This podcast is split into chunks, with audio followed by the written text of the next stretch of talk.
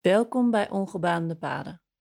Ik ben Anne en in deze podcast neem ik je mee op mijn hike over de Pacific Crest Trail in Noord-Amerika. Dat is een lange afstandspad van Canada tot Mexico. En in deze eerste reeks loop ik in enkele maanden van Canada tot in Noord-Californië, zo'n 1800 kilometer. In elke aflevering deel ik mijn avonturen, persoonlijke uitdagingen, gevoelens en inzichten met je, al wandelend over de trail. Reis mee over ongebaande paden, op avontuur in de wildernis en in jezelf.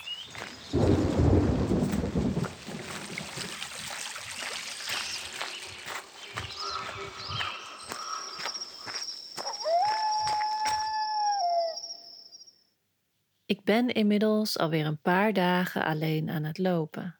Vanaf Ashland zuidwaarts richting mijn eindstation Mount Shasta. Ik had nooit meer een deel 2 opgenomen voor mijn dagboek. Ik was alleen maar aan het lopen, lopen, lopen op die nieuwe energieboost die ik gekregen had. Maar ook om juist een soort helderheid te kunnen brengen in de totale verwarring die ik op dit moment voelde. Ik had niet voor niets besloten om weer alleen verder te gaan. Het voelde onhoudbaar. Het romantische samenlopen, de sterren, dat soort van parallelle universum dat we samen gecreëerd hadden voor een tijdje. Het zou uiteindelijk weer samenvloeien met de werkelijkheid en me terugbrengen naar mijn eigen leven. En dat kon ik niet op deze manier. Een deel van mij wilde natuurlijk samen blijven lopen en deze mooie ervaring in de wildernis juist met elkaar delen en vieren. Maar een ander deel van mij voelde heel scherp dat het onvermijdelijk was om de wegen hier te laten scheiden als ik echt goed voor mezelf wilde zorgen. Ik had namelijk nog een ruime week te gaan voor ik deze trail echt gedag zou gaan zeggen. Voor ik terug naar die andere wereld zou keren en voor ik ook mijn vriend weer zou gaan zien. Ik had tijd nodig. Alleen, met mezelf, mijn gedachten en deze trail. En bovendien, mijn lichaam probeerde al dagen deze keuze af te dwingen. Ze smeekte er zo ongeveer om. Mijn schoenen waren namelijk al weken te klein. Omdat ik in Portland, waar ik mijn nieuwe schoenen gekocht had, mijn voeten eerst een dag had laten rusten. Dat moet je dus nooit doen als je als hiker nieuwe schoenen wil kopen. Want dan worden je voeten veel kleiner dan dat ze tijdens het lopen zijn. En daardoor zaten mijn nieuwe schoenen misschien wel perfect de eerste paar dagen. Maar na een week had ik al de eerste blaren. En na een paar weken van grote afstanden afleggen, waren mijn voeten zo ver uitgezet dat het inmiddels met iedere stap voelde alsof ik letterlijk met een hamer op mijn tenen aan het slaan was. En mijn nieuwe trailliefde had een missie. Hij wilde big miles lopen om zijn tocht af te kunnen maken, op zijn manier. En hoe groter de afstanden waren die we op een dag samen aflegden, hoe harder mijn voeten begonnen te schreeuwen. Mijn voeten dwongen me het onvermijdelijke onder ogen te zien. Ik moest rust houden, grotere schoenen kopen en alleen verder. In mijn eigen tempo om fysiek en geestelijk te kunnen vertragen en zorgvuldig afscheid te kunnen nemen van mijn nieuwe thuis, deze trail. Dus dat is wat ik gedaan had. Hoe pijnlijk het ook was, we hadden afscheid genomen in Ashland. Ik hield nog een rustdag en hij was in zijn onmenselijke tempo van 50 km per dag voortgegaan, zodat we dit keer eigenlijk wel zeker wisten dat we elkaar niet meer zouden tegenkomen en we ons allebei konden concentreren op het lopen van ons eigen pad. En zo liep ik Noord-Californië binnen. En Noord-Californië bleek wild.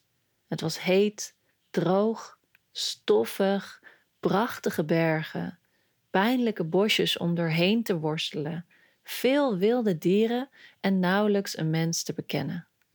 En hoe verder ik die wildernis inliep, hoe verder ik mezelf voelde wegzakken in die wildernis. Deze laatste fase was zonder twijfel de zwaarste voor mij, maar ook de meest memorabele en dierbare fase van mijn trail. In de volgende opname kan je misschien een klein beetje proeven van die ervaring. Een opname op Devil's Peak.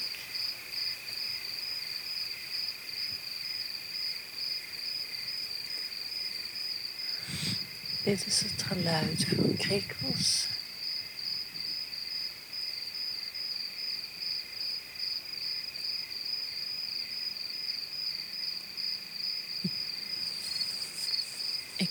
Ben aan het cowboy campen, zoals dat heet. En uh, dat is best wel cool. ik lig in mijn slaapzakje. Ik heb lekker gegeten. En uh, kijk naar boven. Ik zie een hele grote boom waar ik naast lig. En daaromheen heel veel sterren.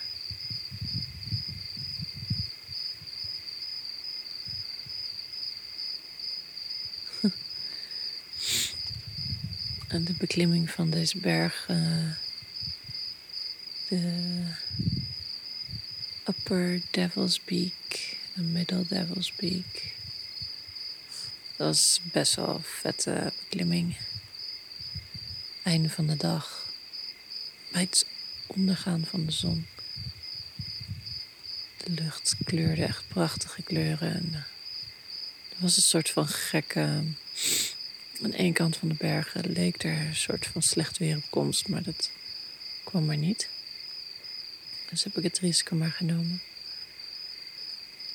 En uh, maar dat zag er prachtig uit, want daar hingen allemaal gekke wolken. En die kleurden natuurlijk helemaal oranje en vervolgens rood.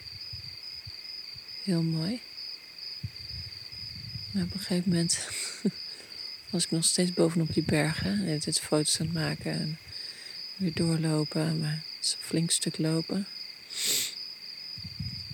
En, en dan begint het toch donker, donkerder te worden. Dus ik was als het ware naar beneden aan het rennen.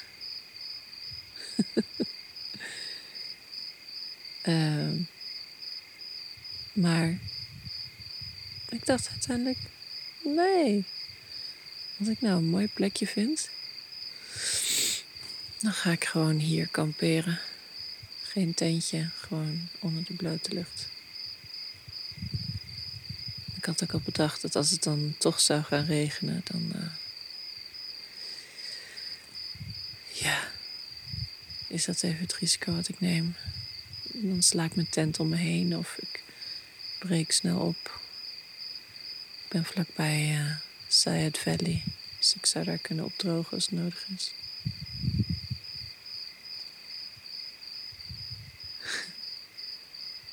Vet. Eerste keer voor mij om in mijn eentje op zo'n spannende, maar hele vette locatie te cowboy campen. Echt heel gaaf. En eerder vandaag heb ik de eerste ratelslang gezien. Aan de andere kant van de berg beneden. En toen dacht ik al, oh fuck, nu ga ik nooit meer cowboy campen. Want het idee van ratelslangen, eh, dat ga ik niet meer doen. Maar nu doe ik het toch. is maar beter ook. Anders dan, uh, anders dan, dan hebben we dat meteen maar weer gehad.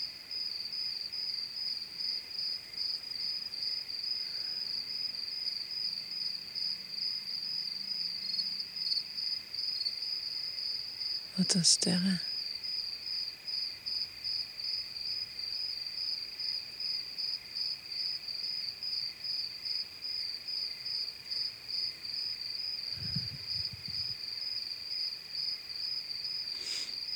Oké. Ik ga maar slapen of nou ja.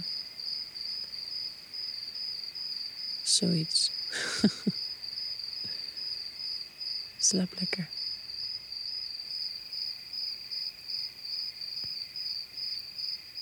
Maar hoe verder ik vervolgens Noord-Californië inliep, hoe meer dat oorspronkelijk volle en energieke gevoel langzaam plaats maakte voor iets anders.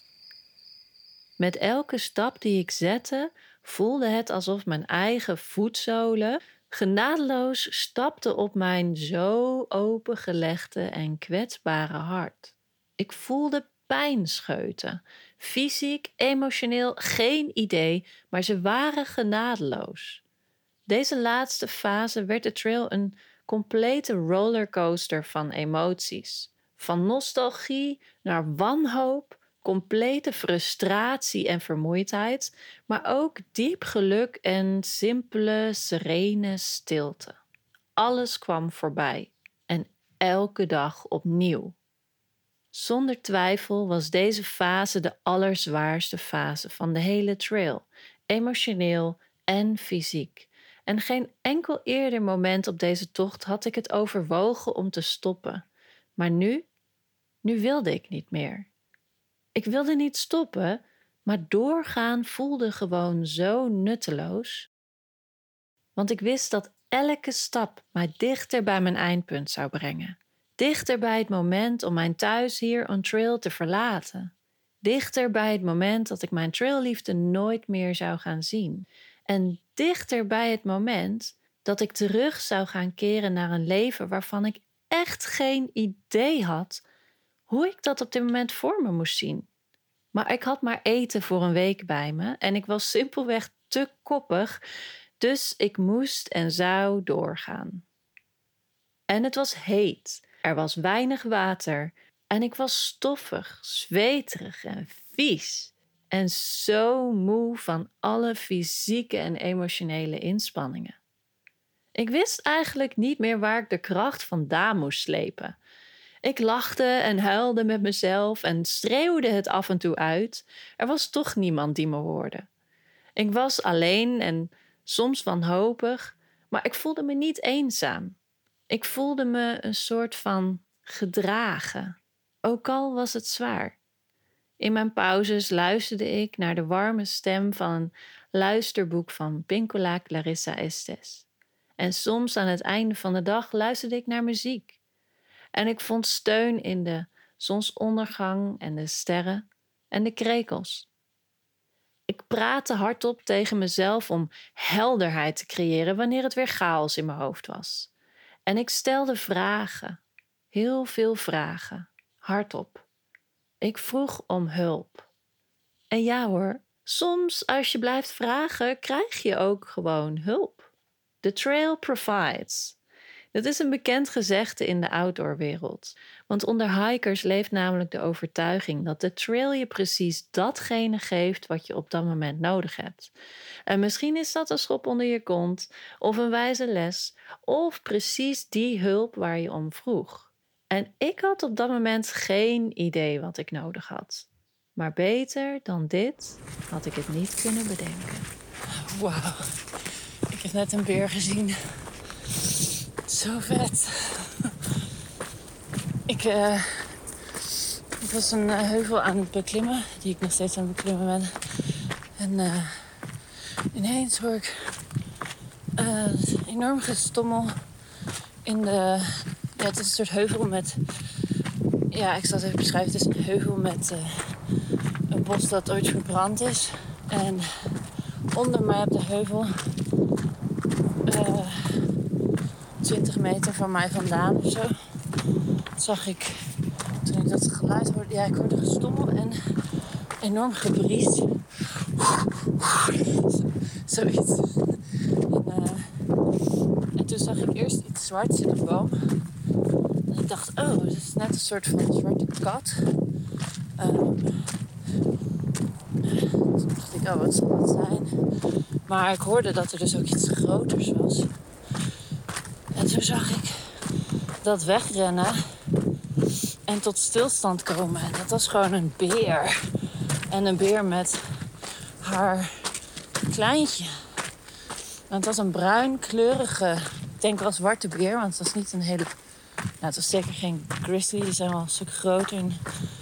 um, maar duidelijk een bruine kleur. En uh, het kleintje in de boom was dus een, uh, een zwart klein beertje.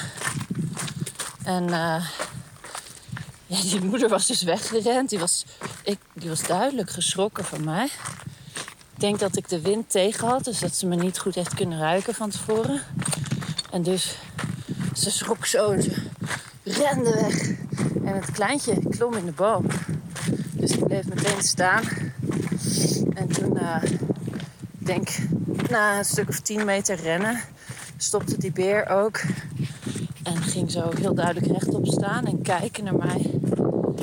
En uh, ja, ik dacht, ja, die is natuurlijk hartstikke bang dat ik haar kleintje iets zal doen. Dus ik bleef gewoon staan en een hele rustige stem in het Nederlands tegen haar gezegd.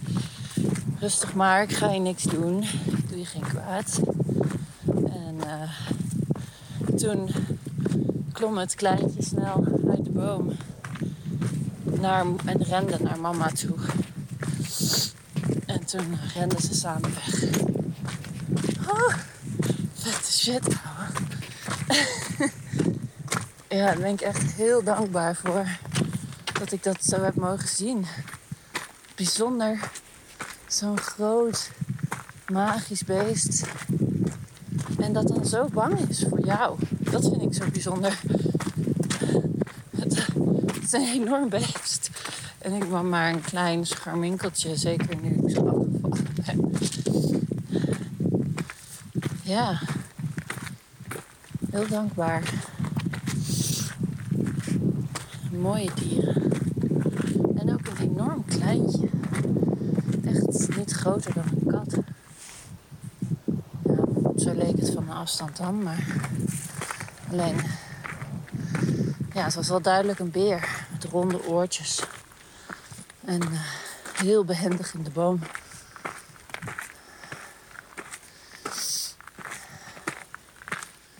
Heel vet. En dat dan na twee maanden. Twee maanden lopen.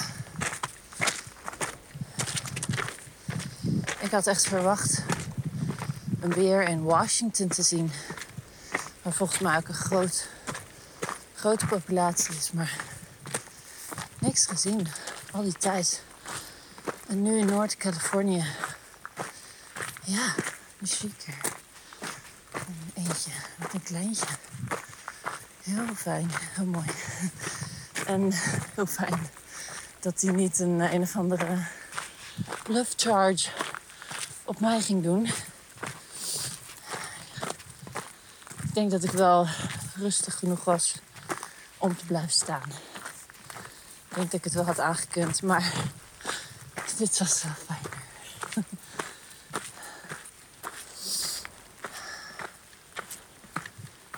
Oh, super vet. Deze beer met haar kleintje was meer dan ik had durven vragen. Ze kwam precies op het juiste moment, net nu ik eindelijk niet meer bang was en net nu ik het emotioneel en fysiek zo zwaar had. Deze ontmoeting gaf me precies de kracht die ik nodig had om mijn trail deze week uit te kunnen lopen. En dat kon ik wel gebruiken in de rollercoaster die nog komen ging.